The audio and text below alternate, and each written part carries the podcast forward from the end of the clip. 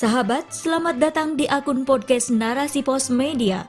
Saya Mai Rohmah, inilah rubrik Opini. Jeratan UU Cilaka berimbas wabah PMK oleh Ashifa Unnisa.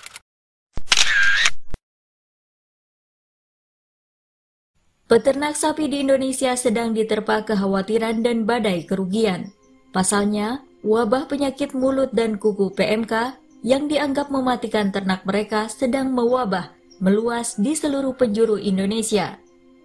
Dikutip dari katadata.co.id, hingga Senin 20 Juni 2022 telah tercatat 211.034 ekor ternak yang terinfeksi.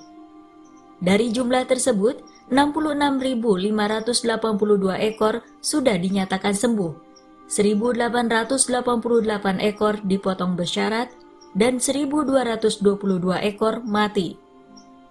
Padahal Indonesia sejak tahun 1986 telah dinyatakan bebas PMK dan telah mendapat pengakuan dari Badan Kesehatan Hewan Dunia OIE pada 1990 sebagai salah satu dari 67 negara yang bebas PMK tanpa vaksinasi.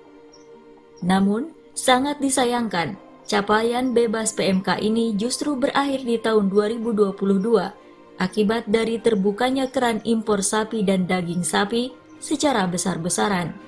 Bahkan berdasarkan data BPS yang terlampir, terjadi peningkatan impor yang begitu signifikan setiap tahunnya. Hal ini tentu tidak terlepas dari pengesahan UU Cilaka yang secara otomatis mengubah empat undang-undang, yang salah satunya adalah Undang-Undang Nomor 18 tahun 2009 tentang peternakan dan kesehatan hewan. Perubahan ini terjadi sebagai hasil ratifikasi akibat kekalahan Indonesia dalam melawan gugatan dari Amerika Serikat, Selandia Baru, dan Brasil. Keempat undang-undang itu mendapat gugatan karena dinilai menghambat produk ekspor mereka ke Indonesia.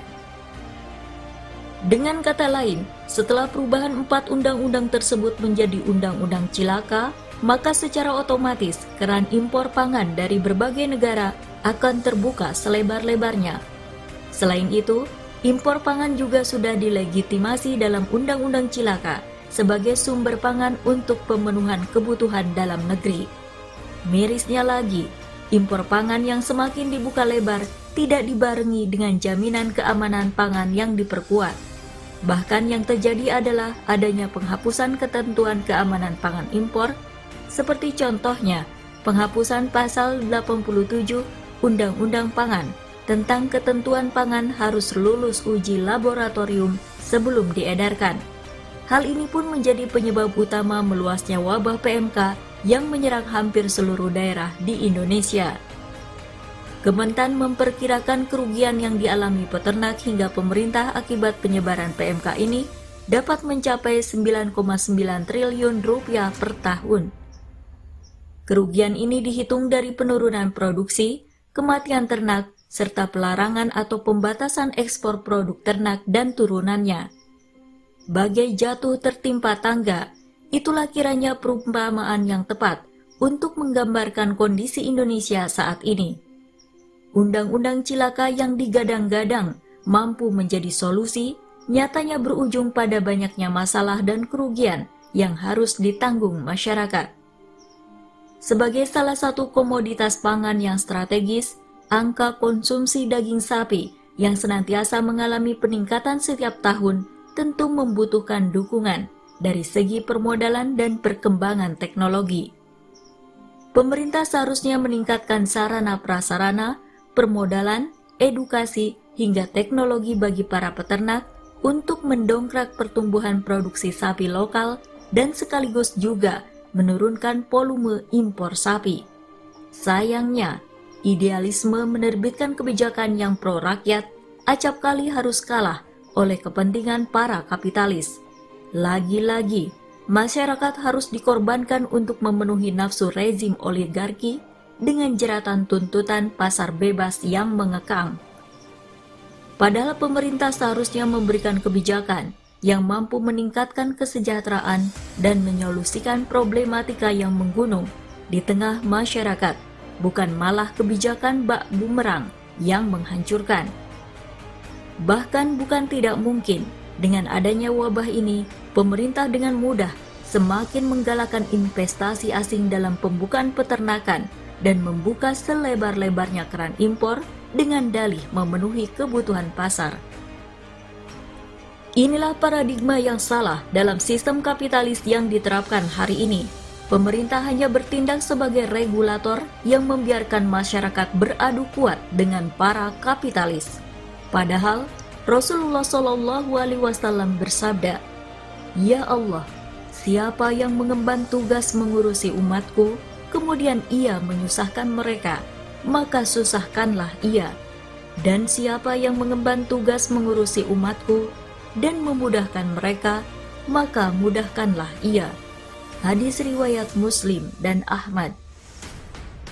Hal ini pastinya sangat berbeda dengan sistem pemerintahan yang menerapkan syariat Islam, yakni khilafah Islamiyah. Seorang khalifah wajib mengatur secara jelas dan tegas bagaimana sistem perdagangan dan pengaturan ekspor impor beserta negara yang terlibat. Ketundukan negara bukan pada lembaga-lembaga buatan barat seperti WTO, tetapi semata tunduk pada penerapan syariat. Khalifah akan menerapkan proteksionisme yang berbeda dengan cara pandang kapitalis hari ini. Contohnya, kebijakan ekspor impor dilakukan tidak hanya untuk stabilitas ekonomi, melainkan untuk aktivitas dakwah dan stabilitas politik. Sehingga Khalifah memiliki standar jelas tentang negara mana saja yang bisa melakukan perdagangan ekspor impor dengan kekhilafahan, yakni negara kafir yang telah memiliki perjanjian atau mu'ahid dan negara kafir yang meminta perlindungan. Khalifah juga akan menjunjung tinggi prinsip kesetaraan dan keadilan dalam melakukan tarif impor. Dan yang paling penting adalah kebijakan ekspor impor ini dilakukan sepenuhnya di bawah pengawasan negara dengan sistem one gate, bukan korporasi sebagaimana hari ini karena korporasi akan senantiasa berorientasi pada keuntungan, sedangkan negara akan berorientasi pada kemaslahatan masyarakat. Dengan kebijakan ini, tentunya akan semakin meningkatkan jaminan proteksi terhadap barang yang masuk dan keluar dari wilayah kekhilafahan.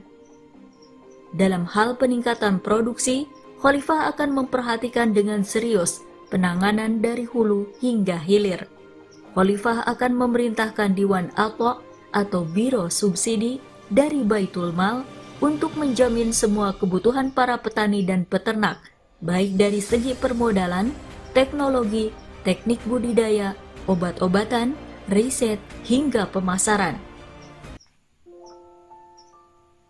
Negara juga akan menjamin keseimbangan harga-harga bahan pangan agar tidak menyengsarakan rakyat ataupun menyulitkan peternak dan petani. Seperti yang pernah dilakukan Khalifah Umar bin Khattab ketika terjadi musim paceklik di Madinah. Beliau mengimpor bahan makanan dari wilayah lain untuk mencukupi kebutuhan masyarakat Madinah. Beliau mengirim surat kepada Abu Musa radhiyallahu an di Basrah yang isinya, "Bantulah umat Muhammad sallallahu alaihi wasallam mereka hampir binasa. Beliau juga mengirim surat kepada Amr bin Al-As radhiyallahu an di Mesir. Kedua gubernur ini mengirimkan bantuan ke Madinah dalam jumlah besar, terdiri dari makanan dan bahan pokok berupa gandum. Oleh karenanya, solusi yang seharusnya dihadirkan untuk berbagai masalah hari ini tidak cukup dengan solusi semu dari kebijakan tambal sulam, tapi butuh adanya perubahan sistem menuju sistem Islam yang rahmatan lil alamin, yakni penerapan khilafah Islamiyah. Hadanallah wa iyyakum, wallahu a'lam bissawab.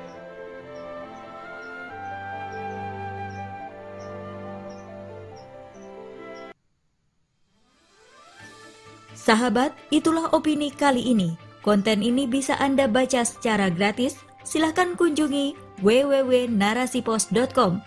Terima kasih telah mendengarkan. Saya Maya Rohmah. Sampai jumpa di episode berikutnya.